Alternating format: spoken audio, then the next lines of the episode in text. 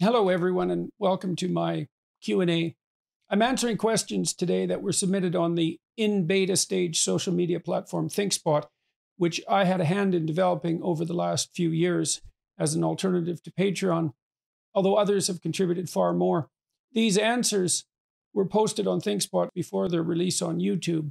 So if you want an earlier view of such things, you might consider checking out the ThinkSpot platform. I've edited the questions a bit and grouped some of them together so I can address the broader topic. I hope you find this worthwhile and interesting. I also hope to start live Q&As at some point again in the future when I'm healthier and sharper. I would like to know uh, how to believe in the divine, even though it is a loose end. I know without some sort of grounding, any hope about a positive future falls down.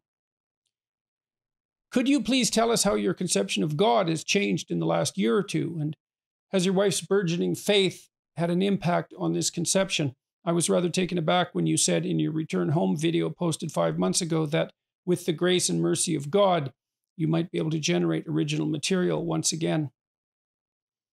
Why do you think there are so many people who are prone to just following an ideology seemingly blindly today, especially in America and maybe especially among younger people? Why do people seem to cling to what a doctor, or an organization, or a political stance, or what a news network or source says, seemingly religiously? I'm not talking about religious religion specifically, I don't think, but maybe what I seem to see as replacements for faith or a good family slash meaningful life, etc.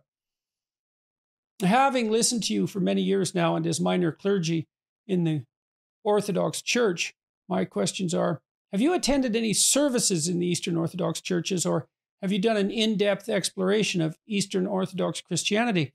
How do you respond to the idea that your personal theology aligns so well with what is taught by the Eastern Orthodox churches? Well, I'm going to try to answer all those questions at the same time. Let's start with the third set. Why do you think there are so many people who are prone to just following an ideology seemingly blindly today, especially in America and maybe especially among younger people? Why do people cling to what a doctor, etc., says seemingly religiously?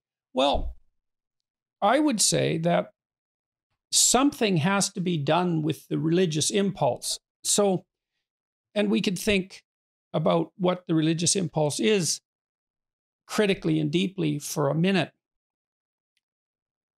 So imagine that you might consider defining the religious impulse as the consequence of the necessity of having the highest having a goal at the highest possible level of conceptualization and organization psychological organization social organization. We have goals on a daily basis and a weekly basis and a monthly basis and personal goals and familial goals and social goals but all of that has to be nested in the broader world of value. Let's say all of that has to be nested within something like well what is the ultimate goal? What is the final goal? Underneath which all of those more proximal goals are subsumed and that becomes a religious question. I would say by definition um, it's an impossible question to answer in some sense because to provide a definitive answer would mean that we would have to possess the classic attributes of God, at least his omniscience, to be able to finally answer, well, what is it all for? But we're still stuck with the necessity of identifying the highest level goal. And if, and that's really that, that the identification of that goal was exactly what our traditional religious structures were attempting to do, for better or worse. And they did that with practice and with ritual and with drama and with symbolism and with music and with art and with literature, with dance, um, all of which are integrated in more archaic communities, let's say. Those were all our attempts to orient ourselves at the highest possible level of being perhaps we're all striving to be, at least in our more noble moments, we're trying to be good people ethically and to serve the good, whatever that might be. And it's the religious domain that strives to answer those questions at the highest possible level of abstraction. Now, if you lack the, that answer, if you're divorced from a religious structure, then you have to find a replacement somewhere because the question isn't going to go away. The question, what's it all for? What should I orient myself toward? Or what should I imitate? Or what should I be in awe of? You're stuck with that. Or even in its negative sense, well, what's the purpose of life, anyways, and why bother? Um, and so that can lead you into a very destructive nihilism. And so you're stuck with the problem. And if your culture hasn't provided you with a solution, or you've rejected that solution, or the solution no longer seems tenable to you, maybe because it's fallen prey to a rationalist critique, that doesn't mean the problem goes away. You find a replacement for it, and for better, for worse. Now, the first of the set of questions I grouped together, we'll, we'll turn to it, was I would like to know how to believe in the divine, even though it's a loose end. Well, it is and it isn't. Uh, I'll answer that in relationship also to could you please tell us how your conception of God has changed in the last year or two? Well, one thing I've been thinking about lately is the idea of thought as a dialectical process. So imagine that you posit a question in your imagination. Your life presents you with a question What should I do today? What would a person do? What should a person do in this situation? What should I do with my life? What should I do with this relationship? And answers appear in the theater of your imagination. Um, or doubts arise, but something happens. You send out a call, essentially, and you respond, or something in you responds with the generation of an answer, and or maybe multiple answers. And in the case of multiple answers, you can then undertake a, an argument in your head. That's the dialectical process between the two positions that might have emerged in the course of these revealed answers. So there's a revelatory element to thought, which is the appearance of new information in the theater of your imagination. And then there's a dialectical element, which is the combat between different revealed thoughts to evaluate them and rank order them in terms of their credibility and applicability.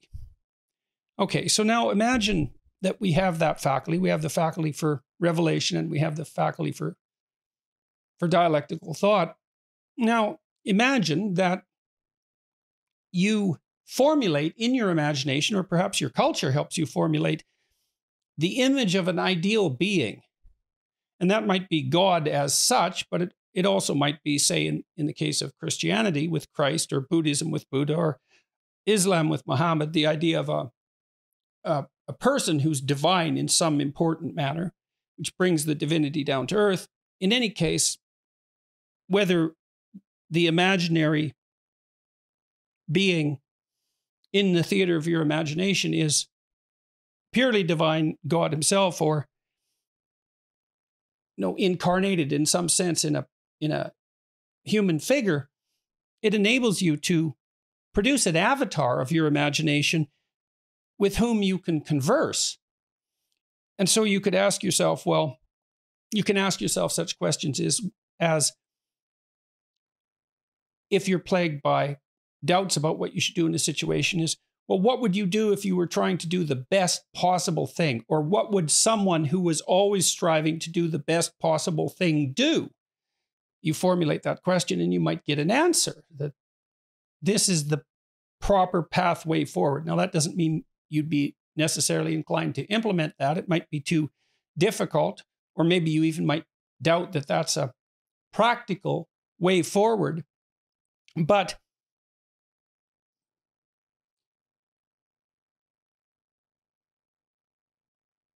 not only can you produce avatars in your imagination and then use them as sources of revealed thought. But your culture can fill in the attributes of that avatar. So, for example, if you're Christian and you've been taught about the life of Christ as it's portrayed in the Gospels, all those descriptions flesh out the personality. And then, of course, the image of Christ is reflected in Western culture in a multitude of ways, all of which inform the structure of that internal avatar and which, in principle, flesh it out so that it's the potential source of revealed truth in imagination, buttressed by all that cultural input. And so you would say, well, in some ways, that avatar with whom you can converse is now the internal embodiment of all the ideas about what constitutes the highest good that our entire culture has been able to create and communicate insofar as you've been exposed to that or are able to understand it. And then, so you could imagine that that could be of substantial practical worth, regardless of the ontological reality of that avatar of your imagination. But then I don't think that the issue necessarily ends there because you can then ask yourself, well, does that imaginary avatar share in any real being?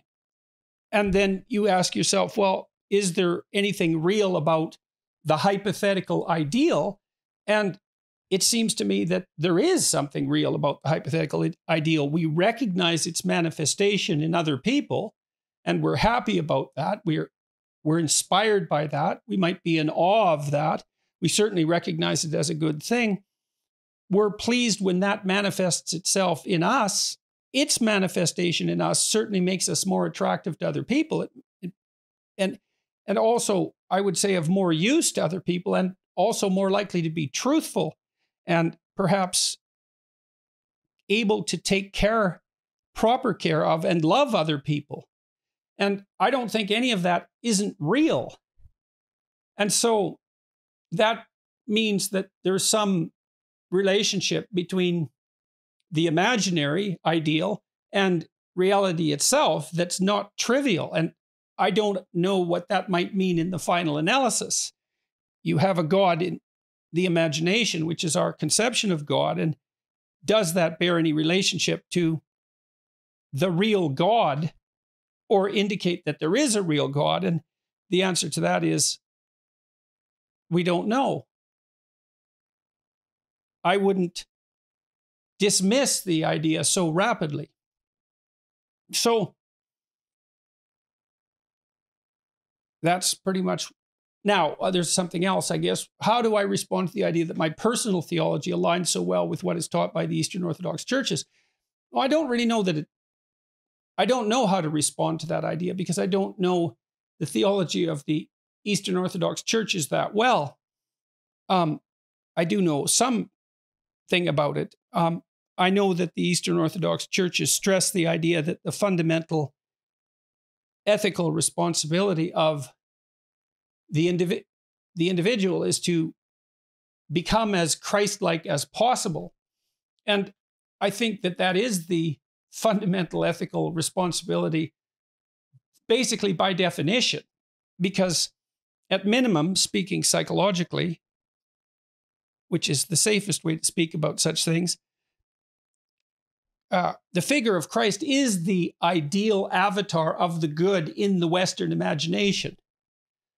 Um, and thus, it's by definition that your ethical obligation is to imitate that in every way that's possible.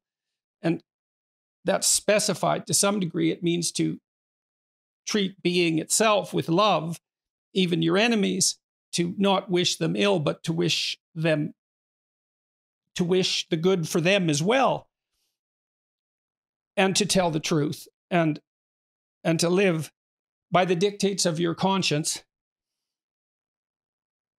and that that's the pathway to divinity. I think that's all true. So,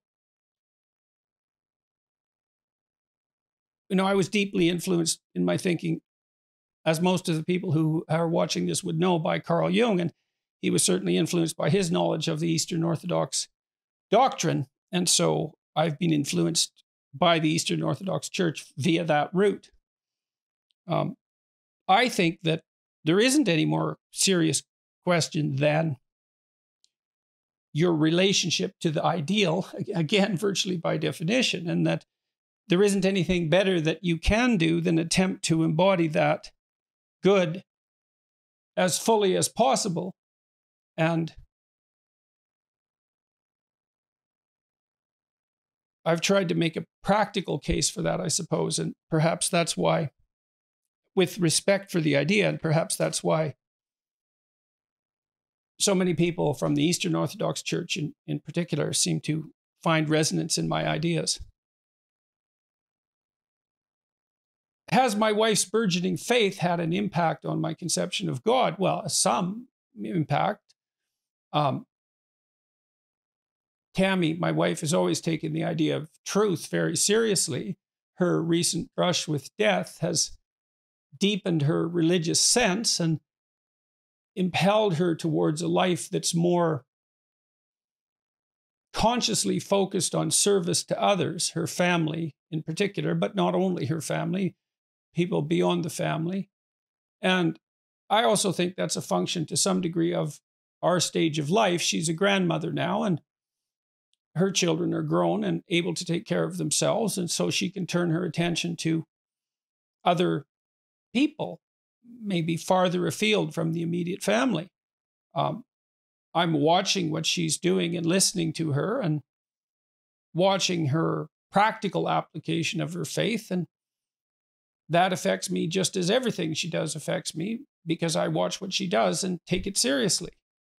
And her recent actions have indicated she's ha- she's helped a number of people quite substantially uh, in the recent past with a group that she's been communicating with, and all of that's very interesting to me. She's showing me. I mean, I've taken the idea of God seriously for a very long time, and I've said on multiple occasions that I try to act as though God exists, and that that's essentially my definition of belief. When people say, Do you believe in God? Belief is a multidimensional word. And the question, one question is, Well, what do you mean by believe? And for me, the proof of belief is to be found in action. And I decided that I would act as if God existed a long while back. And of course, I'm imperfect in that. Uh, inevitably. Now she's doing that more explicitly as well. Uh, not she wasn't doing it quite well to begin with, but she's doing it more explicitly and also more within the confines of traditional religious conceptions. Uh, although she's not attending church, she's associating with a number of people who are formally religious, and all of that's informing the way that she conducts herself. So it's watching her do that has also highlighted for me the missing praxis in Western Christianity. If you want to be a Christian, let's say if you think that's necessary, it's not exactly obvious what you should do. You should go to church, but that's not enough, I don't think. It's um, she's been involved with um,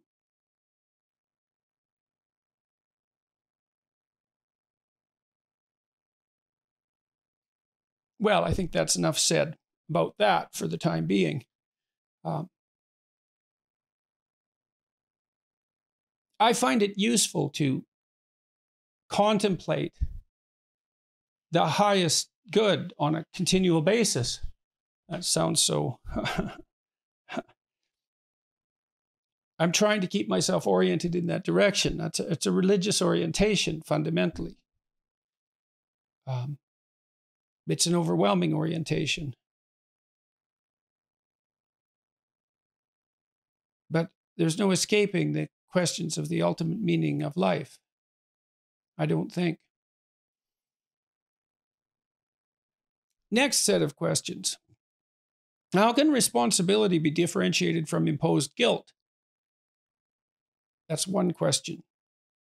How can one tell if one's inner voice, judgment, or conscience is a healthy one and not a voice that is the result of an unhealthy mind due to past experiences? How do I decide if my inner voice is healthy or not? And how do I maintain it healthily? Now, that's a really interesting question. It's a question of conscience. I continually ask my, frequently, let's say, or yearly, ask my personality class attendees if they heard the voice of conscience, if they had a feeling, an emotion, emotional state, let's say, or a voice that informed them when they had done something ethically wrong and that perhaps made them guilty as a consequence. And it was essentially a universal experience. And that's the voice of society within, I suppose. That's one way of thinking about it. The Freudians would think about that as the voice of the superego. Jung, Carl Jung, would take that conceptualization somewhat farther. He would have considered it the voice of the self, which is in part the voice of the ethic that's derived from the broader community, insofar as that ethic is valid, let's say, but also in part the voice of the more thoroughly developed self that's still striving to be born. One thing you could say is that you you experience violations of your conscience when you're not acting like the better person that you could possibly become. And so, to some degree, that's your higher self upbraiding you for failure to develop in the appropriate direction. And that seems to me to be a reasonable way of conceptualizing it. Now, the one question might be how error prone is your conscience, given that you're not omniscient? And I have an endless fascination with the movie Pinocchio. Uh, and part of that is because it taught me something very sophisticated about conscience. In that movie, Jiminy Cricket is given divine attributes. He has the same initials as Jesus Christ, for example, and um, he is deemed the voice of conscience itself by, by the magical properties of, of Mother Nature, essentially. But in the movie, it's necessary for the puppet, who's still wooden headed and still a marionette whose strings are being pulled by others, it's necessary for the puppet to engage in a dialogue with his conscience because both of them have to inform the other. And that seems to me approximately right because I certainly saw people in my clinical practice and know people in my private life who seem to labor under a too authoritarian, labor under the dictates of a too authoritarian conscience. Uh, maybe that's the internalized voice of a relatively tyrannical father, for example. Um, or you know, exaggerated sensitivity to the moral pressure exerted by the broader social world. You have to attend to your guilt and your self disgust and your self contempt and your self consciousness, you have to understand that the manifestation of those emotions might well indicate a moral failing on your part or a, a, a, a lack that needs to be addressed, while at the same time considering that it is not a straightforward matter to deal fairly with yourself and you can be too tormented by your conscience, too rigid, too responsible, take on too much weight onto yourself, deny yourself in a manner that isn't sustainable, and so forth, that, that a moral code, a moral way of being can become too rigid and, and inflexible. And despite its putative aim upward, be something counterproductive. I think most of the way out of that, if there is one, is well, careful thinking.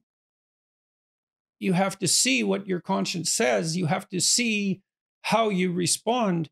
You have to capture that voice and your responses, and, and you have to think it through. But most of that is done in dialogue with other people rather than as the consequence of internal thought. You know, if you have a dispute with your wife or your husband, your intimate partner, sibling, your parents, anybody close to you, and it's useful to, for each of you in the dispute to ask yourself and the other person very seriously if you're at fault or if they're at fault and, and for both of you to be able to contemplate that you might be at fault and so might the other person and that it's in your best interest to sort out exactly who's made the error and where and maybe it's both of you and maybe at different levels of analysis um, i think the same might be said about your reaction to your conscience. It's not uncommon for me to talk to my wife my kids my parents my friends for that matter about something I might be feeling. Maybe I'm guilty about something. I'm self conscious about something. I'm angry about something. Um, I feel impelled by my conscience to do something as a consequence, to change something. Uh, it's very helpful to discuss such things with other people, to say, look, here's what I think I did wrong, and here's how I'm punishing myself but I'm not sure that I'm not doing it in an exaggerated way. And you gather other people's opinions and listen to them carefully. And friends are extraordinarily useful in that regard. And that can help you calibrate it. So I think most of what we do to decide if our inner voice is healthy is discuss it with other people. And I believe, as I pointed out in my last book, uh, explicitly, that tremendous amount of our sanity is maintained as a consequence of social interaction. So you can't find your authentic self merely as a consequence of a journey within, I would say. You, you, you're not, there's just not enough of you. You, you have to be informed by the broader social world.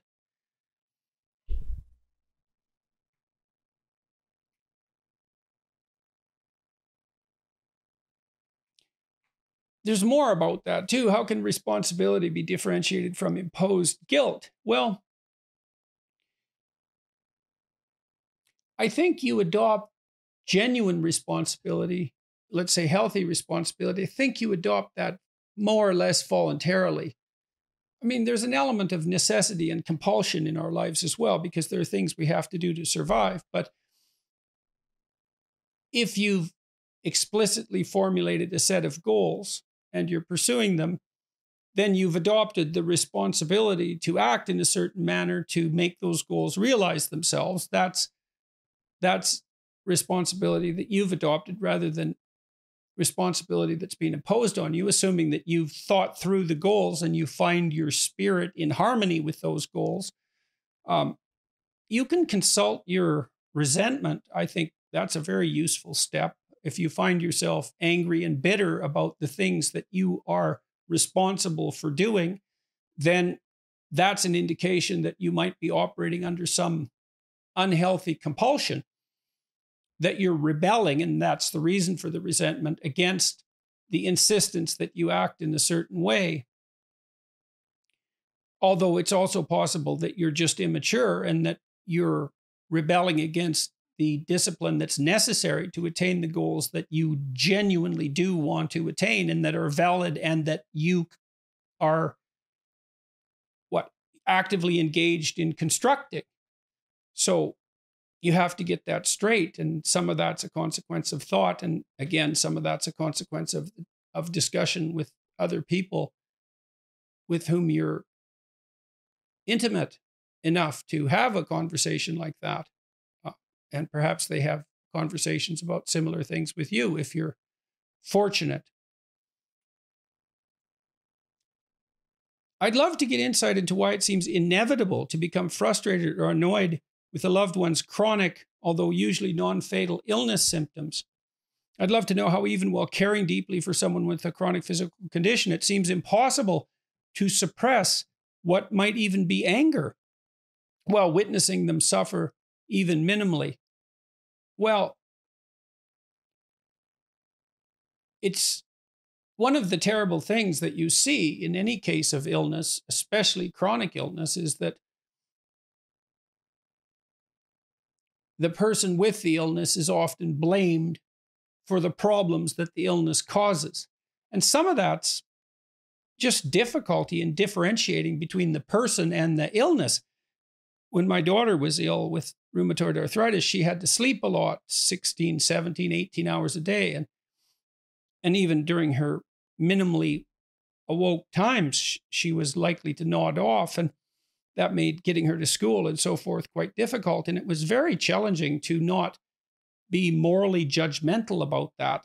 When she was a teenager, it's often difficult to get teenagers out of bed. And it was just very uh, challenging to differentiate the illness from the person. And it's very helpful to have other people around you under such circumstances so that you can discuss the issue. Uh, of course, you can always discuss it as well with the person who's ill. And we, I talked a lot to my wife about such things and, and to my parents and also to my daughter and to my son as well. All of us were trying to calibrate this properly. Her as well, because she didn't want to add misbehavior to the list of illness symptoms. We, we told her, not not to use her illness as an excuse ever because then she wouldn't be able to distinguish between what she could do and what she couldn't do if she if she used her illness as an excuse that was a difficult job of discrimination for her as well and then i would say well you get angry because you're upset about the fact that the world's unfair and tragic so there's an existential level there too is it's so heartrending and burdensome to note that the universe is constituted so that people you love suffer unreasonably and unfairly and constantly and often without relief. And that anger can easily imagine that manifests itself as a general irritability that makes you more susceptible to being angry with the person who's ill and with all the other people in your life and with yourself as well, with everyone. Um, it's best to the degree that it's possible to dispose of that generalized resentment because justifiable as though it might seem, it is not. I've never seen it be it to be helpful. Shaking your fist at God is not a constructive way of dealing with the world. Uh, even though it does appear that there are plenty of reasons why such shaking might be justified. Um, it's not a place that the human soul should go. And then the third factor that's important, I would say, is that if you find yourself angry when you're in the position of chronic caretaker, it's really possible that you need more help. Um, if you're dealing with someone who has Alzheimer's disease, for example, or any chronic degenerative neurological condition, or any chronic degenerative condition in general, there's only so much you can do before you can't do anymore, or even that much. And it could be, assuming that you're reasonably well constituted and reasonable, that you're being called on to deliver more than you actually can sustain across time. And two seriously ill people are not better than one. And so if you find that you're resentful and angry and, and therefore lashing out at the person you're taking care of, you might ask yourself whether it's time to do whatever's necessary, if that's possible, if you have the luck and the resources to bring in more help if it's if you're in it for the long haul, it has to be sustainable. And you can't ask yourself to continually do the impossible. It has to be sustainable. And you can have an honest discussion with yourself and although this is also something useful to discuss with other people about just what you can take without breaking morally or physically or emotionally uh, and for how long? And if the resentment is building and the anger is building maybe you have to change the manner in which care is being offered and and given you have to hire a nurse. You if you can you have to rely more on other members of the family. You have to consider institutional intervention. All of these things are very difficult. Uh, you have to ask others for help. But like i said two sick people aren't better than one. So those are the reasons why you might get frustrated or annoyed with a loved one's illness symptoms. I think, I don't think it's a mystery at all why you get annoyed and angry. The mystery is how many, how it's possible for so many people to engage in long term care of others without being angry and irritable. That's the, that's the miracle. That's the mystery. I've seen people provide levels of care to members of my own family recently, for that matter, that went far above and beyond what I considered the reasonable call of duty. So, and I would say too, don't torture yourself too much if you find yourself being angry or annoyed at a loved one's illness. I, I understand why you would think that that's a terrible thing, and it, it is in some sense, but it's also virtually inevitable for the reasons I just described. And you do what you can to keep it under control. And you also learn as clearly as you can what you can tolerate and what you can't. So,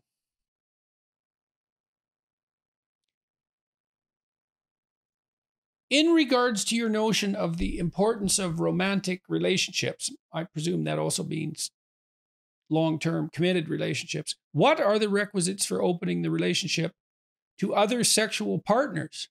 Well, I, I don't think that's possible. That might just be conservative me. Um, I don't think I've ever seen it, it work. People, and I think the evidence that it doesn't work is manifest in the fact that people almost never do negotiate that openly. They sneak around if they're going to have an affair.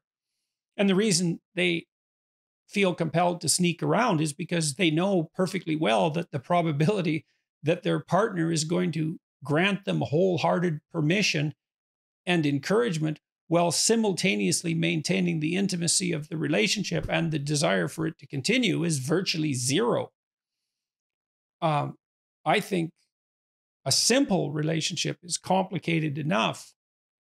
It's very difficult to negotiate intimacy with one other person let alone a number of people, uh, people might wish that their sexuality could find its free expression untrammeled by the arbitrary restrictions of a judgmental society, inappropriately disgusted by, ashamed, and frightened of sex. But I think that's all, most all wishful thinking. I would put in the coda that I have seen people in my clinical practice who were too restrictive in their sexual morality and that that was doing them harm. Um, people from a fundamentalist background who were in their mid 20s with no partner, marital partner on the horizon, who'd never engaged in any sexual activity of any sort. Uh, that on a case by case basis seldom seemed to be a good solution. So, but I don't think there's any evidence that at the personal and social level simultaneously, and considering the long term as well as the short term, there isn't any viable alternative to committed monogamy. And wish that there were is fantasy in my estimation and generally counterproductive and generally very destructive so now you know people differ and highly open people who are low in conscientiousness, let's say by temperament, perhaps low in agreeableness. This is all speculation, might find the possibility of open relationships over some period of time. Um, I'm skeptical. I've never seen it work, not without a lot of lies and deception of one form or another, not a lot, not without a lot of begrudging acquiescence on the part of at least one party in the negotiation. You know, sometimes people will agree to something that they don't agree to because they feel it's the only way of hanging on to something they truly value. So one partner might say, Well, shall we open up this relationship to further exploration? And the other agree merely out of fear of losing what they have. That doesn't mean that there's been a negotiated settlement. So I think there are no requisites for opening a relationship to other sexual partners. A set of questions again. I have been reading through Carl Jung's work and more specifically his work on integrating the shadow. What is the best way of integrating the shadow in a person's life without sacrificing their ethics or the well being of others?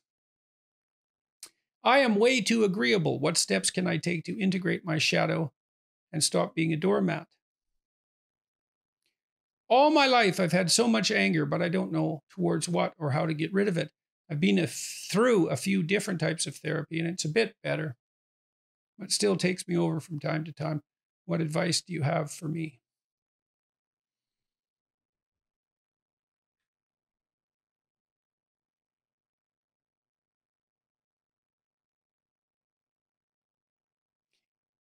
I don't think that there's a better pathway to the shadow, let's say, than resentment.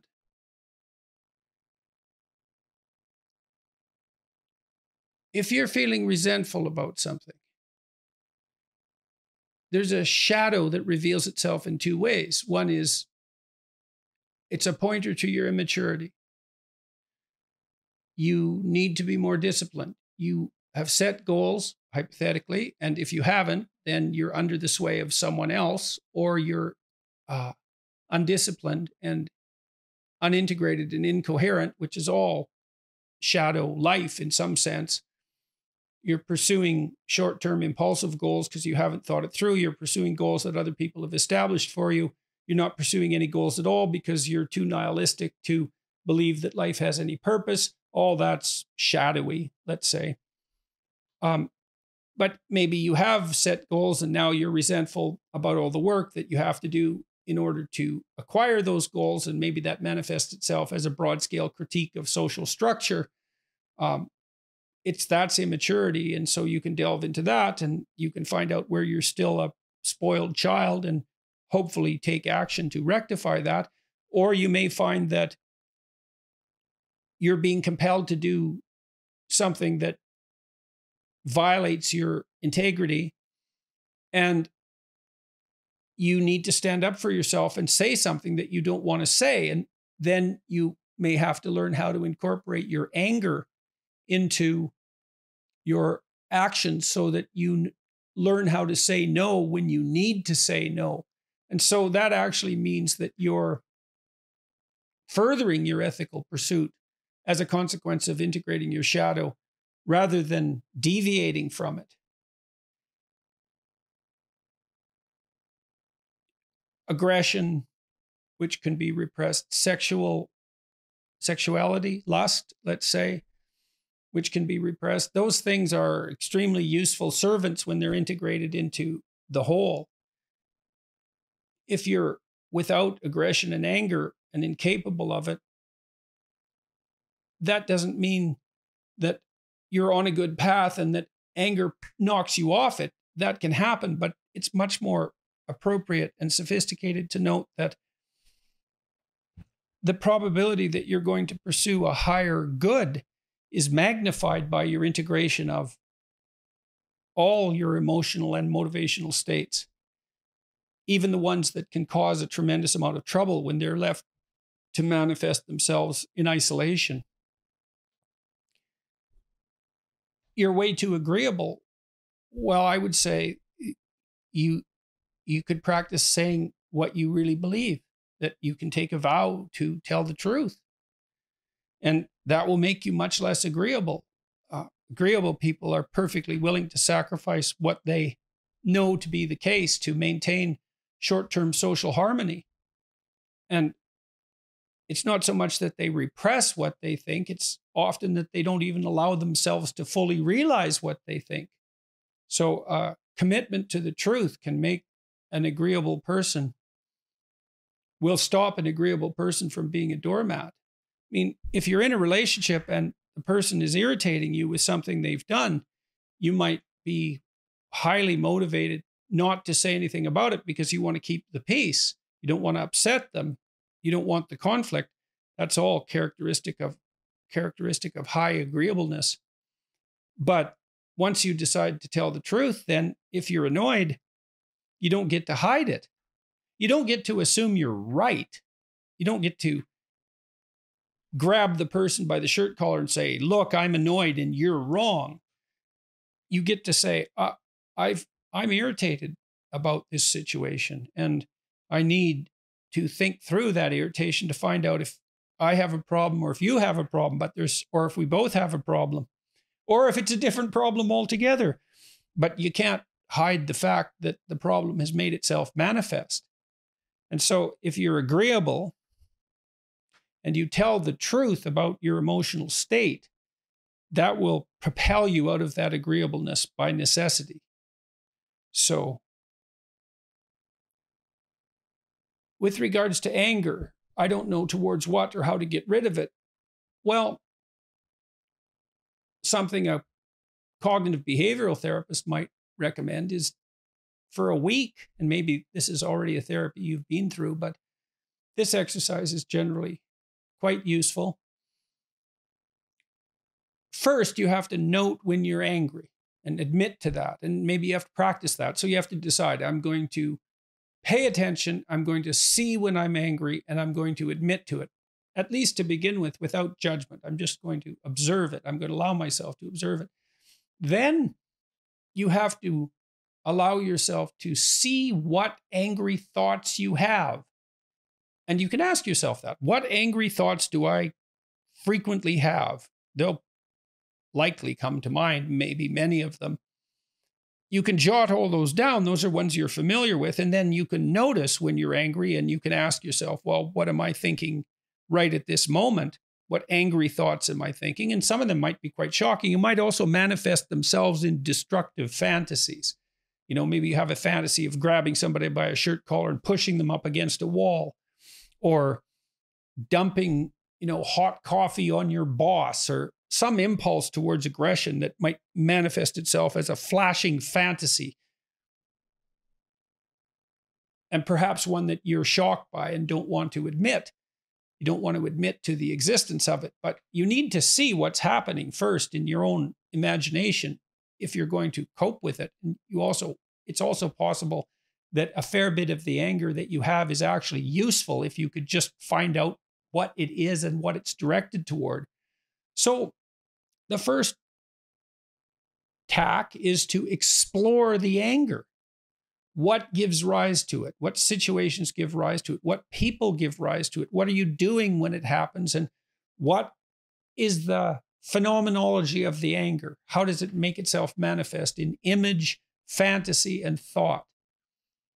And then now you have an anger inventory is anger in this situation warranted? What steps do I have to take in order to become less angry? And sometimes that might be an adjustment of internal, an, internal psychological adjustment. Sometimes it might require changes in the world.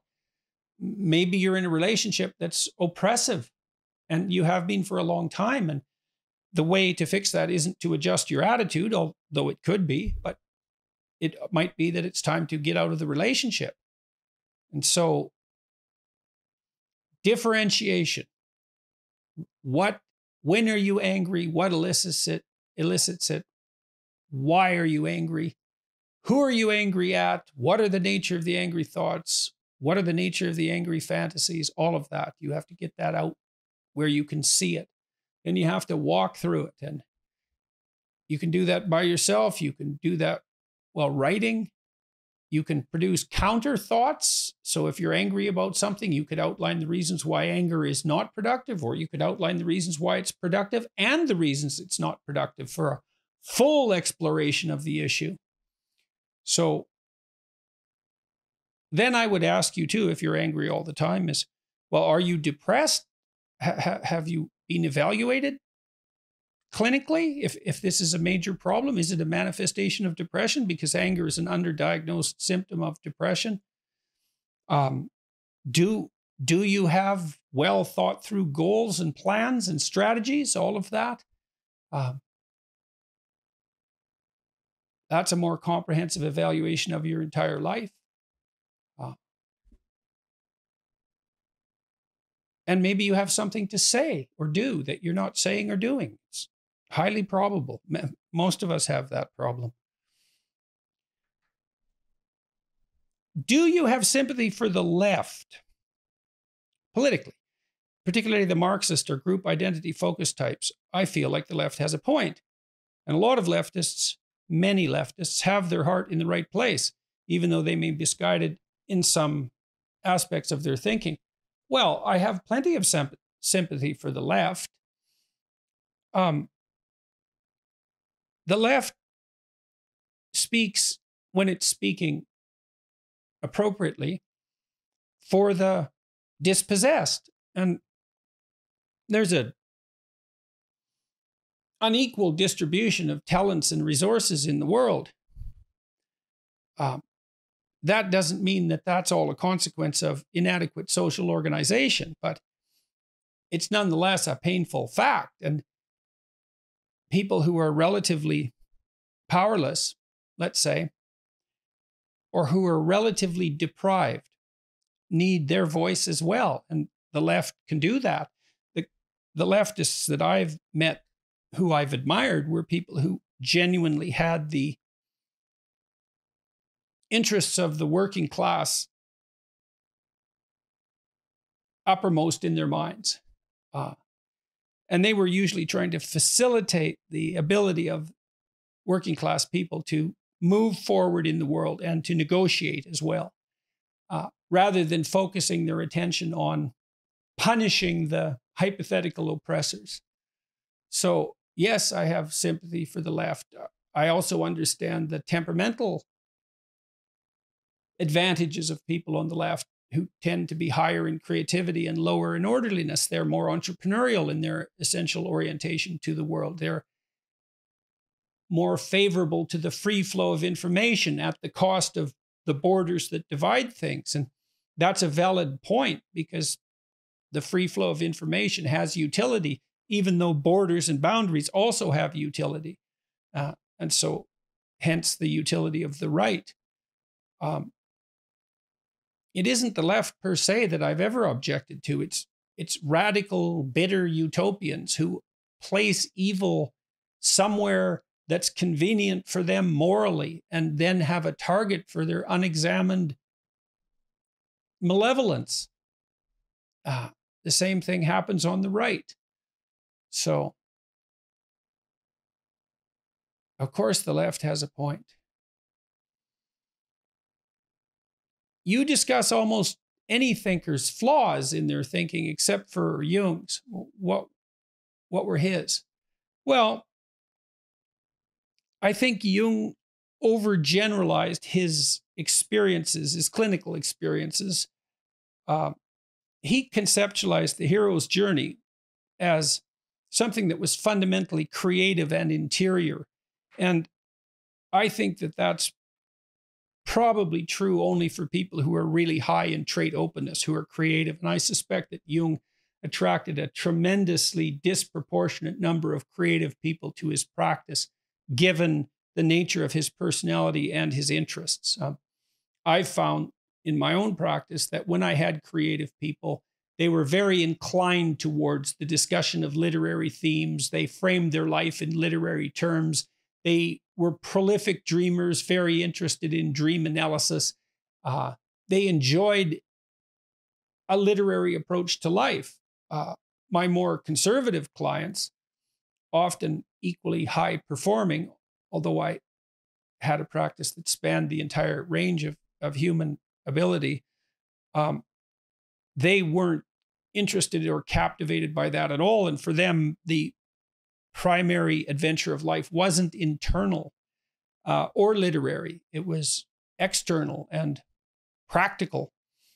And the more agreeable types, their life was primarily social rather than symbolic or creative. They found most of the meaning in their life as a consequence of the uh, intimate relationships that they were able to establish. It wasn't infrequent, and this was more true of women than of men, and they are higher in agreeableness on average. I, I had conscientious clients who would frame their life in terms of their accomplishments, their career accomplishments. That's how they parsed their life up temporally. First, I was in school, and then I went to university and I studied this, and then it was all external, it was all achievement oriented.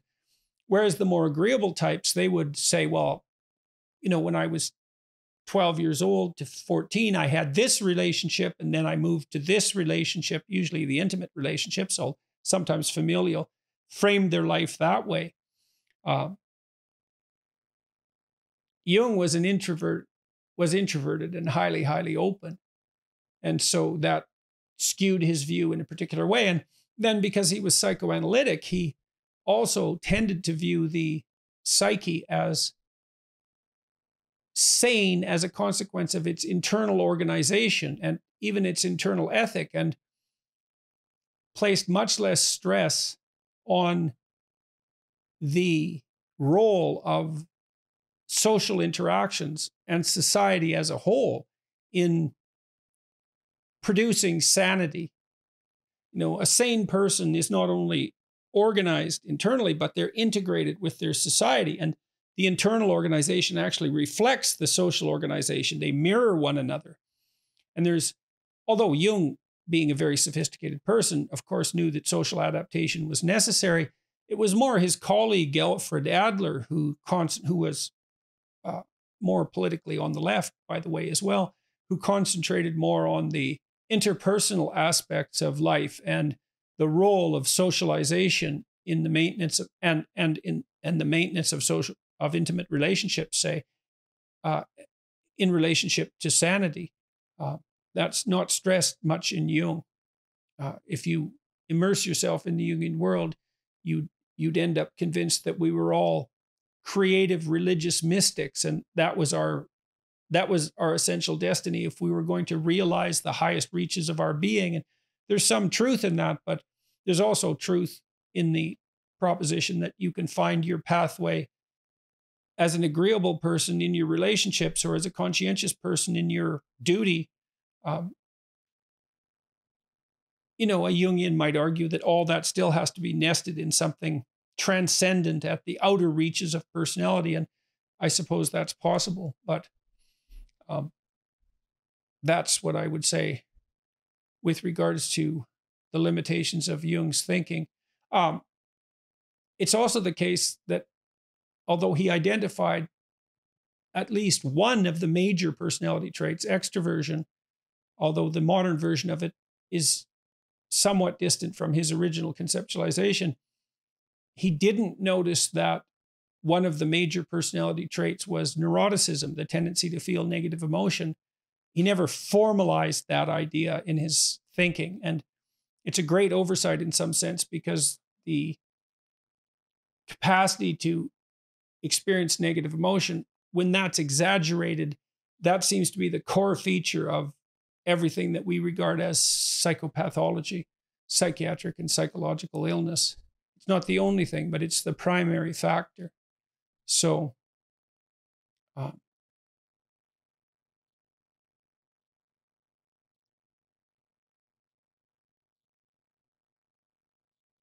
What is the best way to avoid falling back into nihilistic behaviors and thinking? Well, a large part of that I would say is is habit, the the maintenance, the development maintenance of good practices, habits.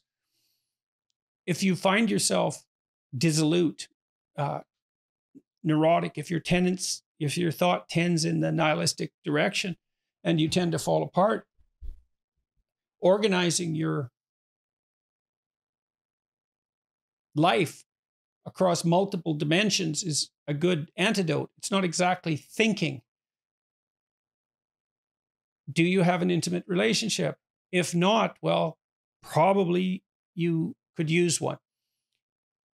Do you have contact with close family members, siblings, or children, or parents, or, or, or people who are even more distantly related? If not, you probably need that. Do you see your friends a couple of times a week and do something social with them? Uh, do you have a way of productively using your time outside of employment? Are you employed? Do you have a good job, or at least a job that is practically sufficient and that enables you to work with people who you like working with, even if the job itself is you know, mundane or repetitive or difficult. Sometimes the relationships that you establish with it in in an employment situation like that can make the job worthwhile.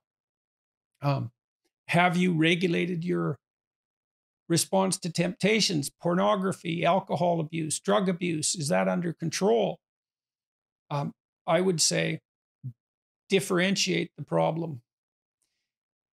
There's multiple dimensions of attainment, ambition, pleasure, responsibility, all of that that make up a life. And to the degree that it's possible, you want to optimize your functioning on as many of those dimensions as possible. You might also organize your schedule to the degree that you have that capacity for discipline. Do you get enough sleep? Do you go to bed at a regular time? Do you get up at a regular time? Do you eat regularly and appropriately and enough and not too much? Uh, are your days and your weeks and your months characterized by some tolerable, repeatable structure that helps you meet your responsibilities, but also shields you from uncertainty and chaos and provides you with multiple sources of reward? Those are all the questions that I would decompose the problem into. The best way to avoid falling back into nihilistic behaviors and thinking.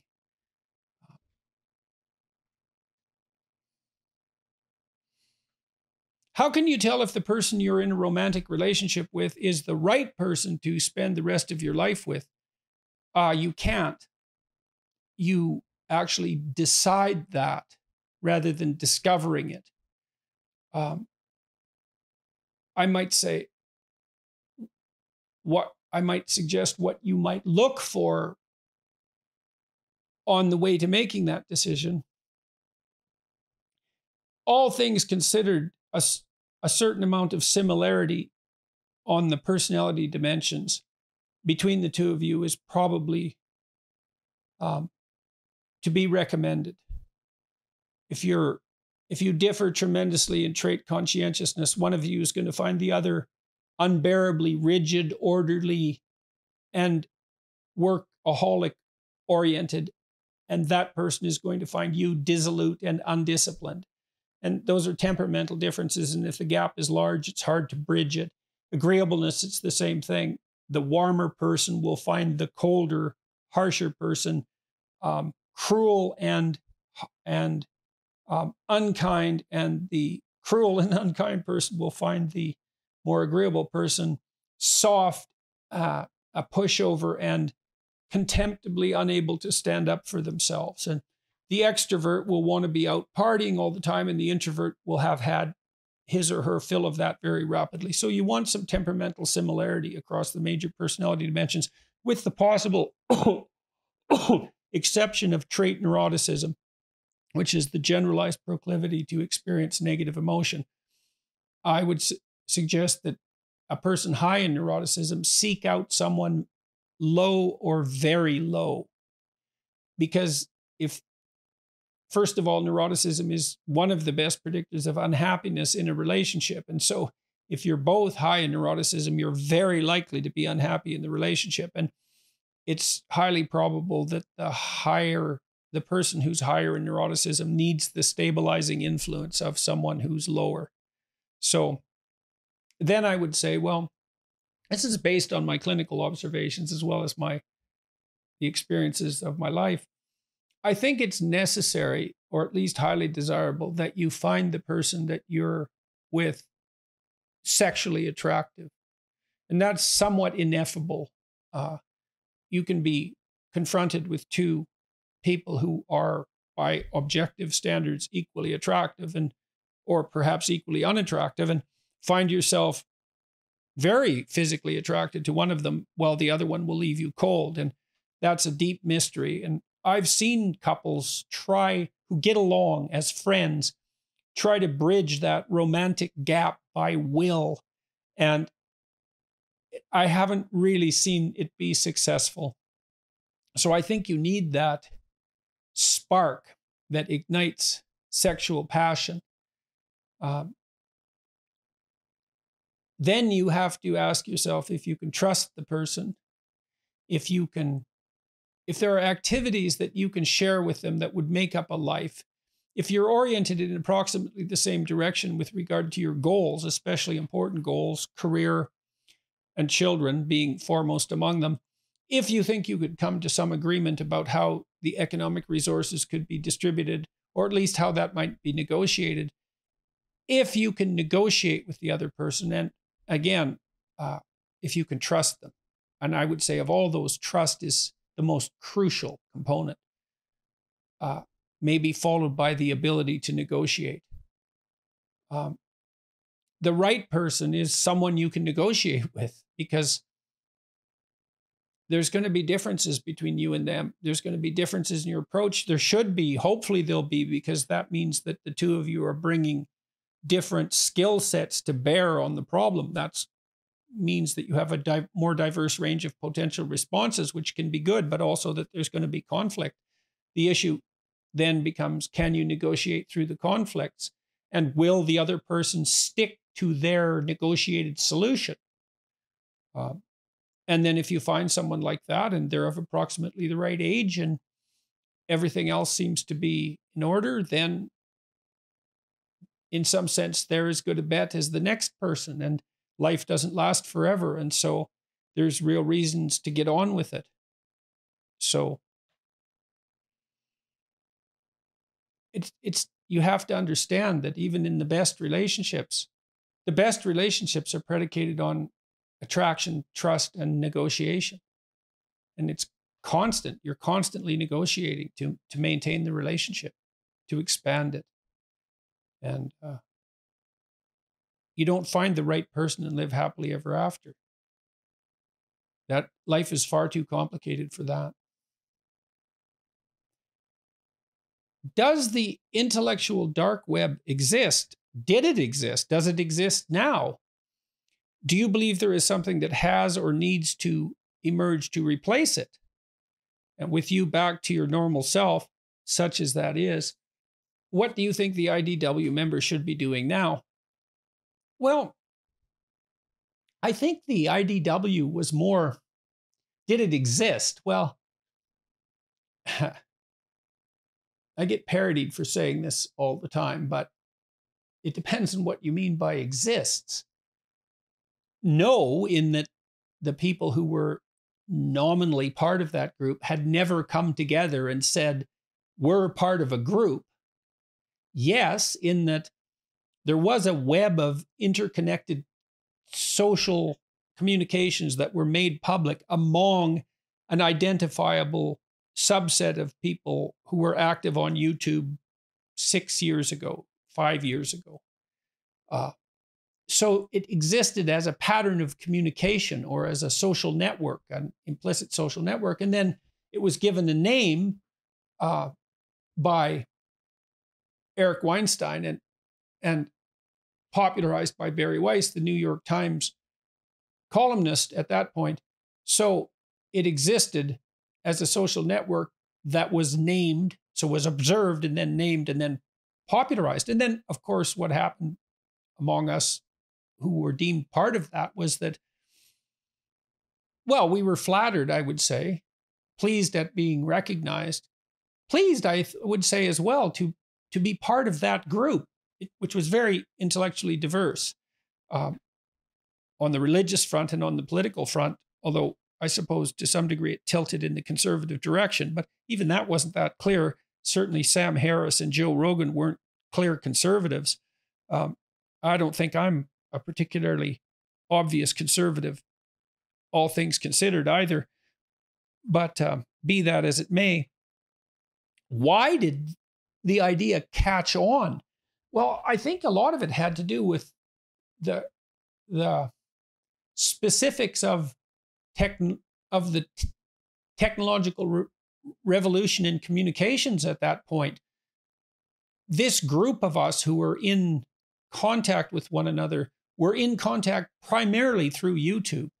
And so we were all early adopters of this space that computer mediated video communication opened up for philosophical slash political slash intellectual or pseudo intellectual, depending on your stance, discourse. We were early venturers into that domain. And there weren't that many of us to begin with, especially that many in cross communication. And so the IDW name stuck in some sense because it did give a terminology to an emergent phenomena that was new and different. It was the development of the alternative media that has now become widespread that was oriented around long form conversation, which is a revolutionary concept, especially as well as revolutionary technology, that you could engage in free form communication around a set of questions or about a specific topic and broadcast that publicly without any real editing, without any real a priori structuring. I still think that's completely revolutionary. Um, so I think the IDW did exist. And then once we were named, that increased the probability that we would mutually communicate, although to some degree that's fallen apart over the intervening years, partly because of political differences between members of the group, but also partly because it was a very loose group to begin with. Um, and each of us had our independent existences that weren't predicated on anything like a centralized administration or bureaucracy. So I still communicate with many of the people who were nominally part of that group. And I would say feel a certain amount of affection and certainly respect for all of them, um, regardless of how their opinions might have differed from mine. I mean, I had a sequence of conversations that I felt were highly productive from the purely personal perspective with Sam Harris. And it was never obvious to me that I was completely right and he was completely wrong. These were very complicated issues we were trying to hash our way through, and it was certainly worthwhile to have made the effort and to have done it publicly. Uh, and other people seem to also found that useful. Um, what should the IDW be doing now? Well, they should continue doing what they did well, and, and many of them are. Bret Weinstein has a very good podcast, and um, uh, Ben Shapiro's media empire keeps growing as he incorporates canceled people in. I'm still producing podcasts and writing, and I'm hoping that all of us, what we should do is what we and Joe Rogan, of course, is extraordinarily successful and doing what he's doing, and many and many other people are doing the same thing now. And so, what what what is it that we're doing, and what should we be doing? Well, we should be trying to have interesting conversations. The interesting conversations that this new technology make possible, and to disseminate them as widely as possible. Uh, we should also be to the degree that the IDW was a cultural, a countercultural movement in some sense, well, what we all should be doing, and I think are doing, is exploring the narrative space the narrative space of politics and philosophy and spirituality to some degree. We're, we're trying to tell different and hopefully better stories and, and to help other people enact those stories, understand those stories, and enact them to the degree that they find useful. And and so, what should we do, be doing? Well, we should be trying to make things better and telling the truth while we're doing so. And I do think that that was, in the main, something that characterized all the members of the IDW is that they were committed to the truth in their speech and in and in their mode of being, in, in their exploration. And I think that was recognized by their audience members and appreciated. I don't think that stopped as as well. So there was an IDW, and there still is to some degree, but it's expanded greatly. There's so many people now doing long form YouTube interviews and and podcasts. That space has exploded, and and that's really good as far as I'm concerned. Um, that's associated with another question. How significant a role do you think social media has played in the disintegration of the political discourse in terms of how it enables people to form echo chambers? And also for the social media platforms such as Twitter engaging in censorship favoring their vested interests? Um, well, social media, I think, has played a bigger role in broadening the political discourse and bringing it to a much broader and bringing it to bringing it to a much wider audience and changing the way that political discussion takes place. And youtube in particular and podcasts and i think that's all to the good. Uh, political discussion no longer comes in the form of discourse uh, generated from on high. It's become democratized. And i think that's better. It looks to me like it's better I think the new f- media forms allow for more, for deeper and more precise truths. There's no bandwidth limitation. You can expand on ideas indefinitely. You can allow the conversation to go where it will. Um, you're rewarded for honest, engaging conversation. There's no administrative or bureaucratic intermediation. I think that's all good. Uh, it does face us with the problem of what to do with an overwhelming plethora of ideas. But there are worse problems than that. I don't think there's any evidence that social media has actually produced increased tendency for people to exist in silos.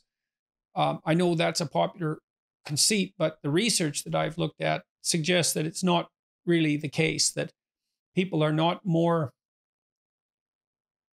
they're not in a mirror chamber now as a consequence of social media any more than they were when those forms of discourse didn't exist.